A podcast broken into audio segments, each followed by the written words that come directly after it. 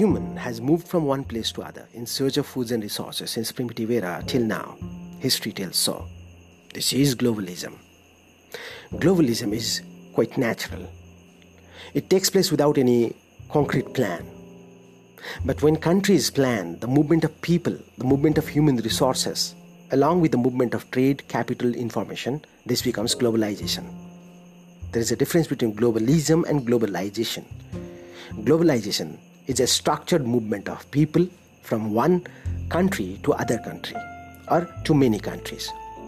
Globalization became a global phenomenon, a global system prominent after 1990s when most of the countries started opening up their economic and political boundaries for other countries. It's the process whose economic dimensions involve increases in the flows of trade, capital, information technology, and human across the borders.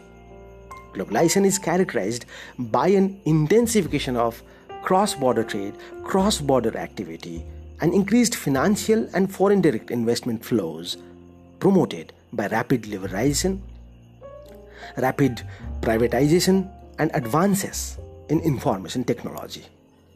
India became a globalized nation in 1990s when the government of India passed a new bill for new economic policy that is in short known as NEP.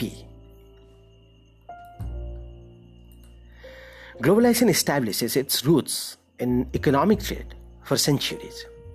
Archaeologists have even have been unearthing hard evidences of trade and exchange between cultures thousands of miles apart.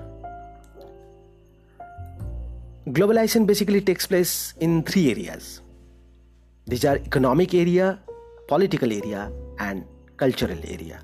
And there is always a movement of people, movement of human. We should not forget that human moves along with the movement of capital, movement of uh, uh, trade from one country to other country in globalization. There are arguments for globalization.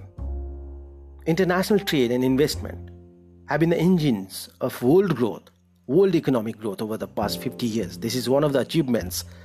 This is seen as one of the achievements for globalization. The tons of goods traded around the world have grown up by 16 times since 1950, reflecting the lowering of tariff barriers. This is how the peoples can access the end products, the finished goods from around the world.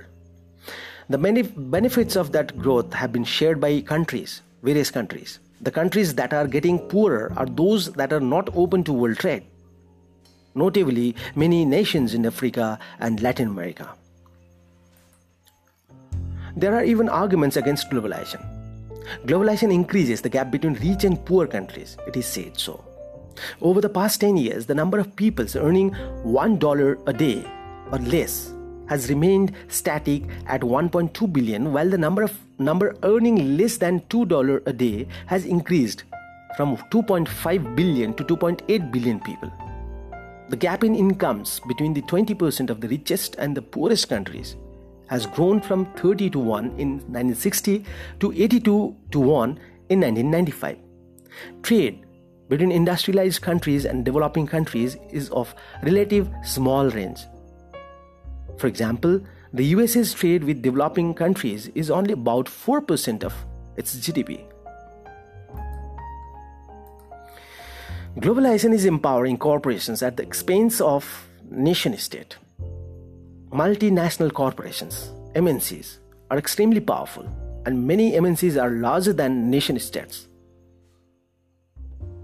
This damages the national capital and the national players. Multinational companies exploits workers in countries with inferior labor standards. Small farmers and businesses in various countries have difficulties competing with MNCs.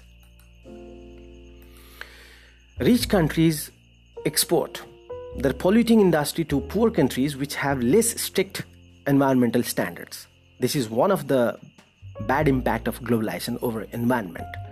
Processes of industrialization are leading to global warming and a, and a damage of the atmospheric quality. Developing countries have been excluded from the Kyoto Protocol, providing a loophole for transnational companies. Resource industries such as forestry, mining, and fisheries exploit the resources of poor countries with little regard to either the long term cost to the country in terms of the loss of national resources or the environment. Uh, there is, of course, a positive effect of globalization. Transport ideas, people's goods and wealth across the national borders, international trade has all has in fact increased. Positive effect on economies, making poor national wealthier, is also one of the good aspect of globalization. Help improves globalization helps improves quality of life for lower income people in uh, developing nations. This is also one of the uh, positive aspect of globalization. What are the negative effects of globalization? Critics criticize multinational corporations for driving local businesses out of business. They can cause inequality between countries. They can exploit countries that are not very wealthy. Some accuse them of having too great an effect on policies, which they can will to get their own way without regard of whether or not it's good for the world at large.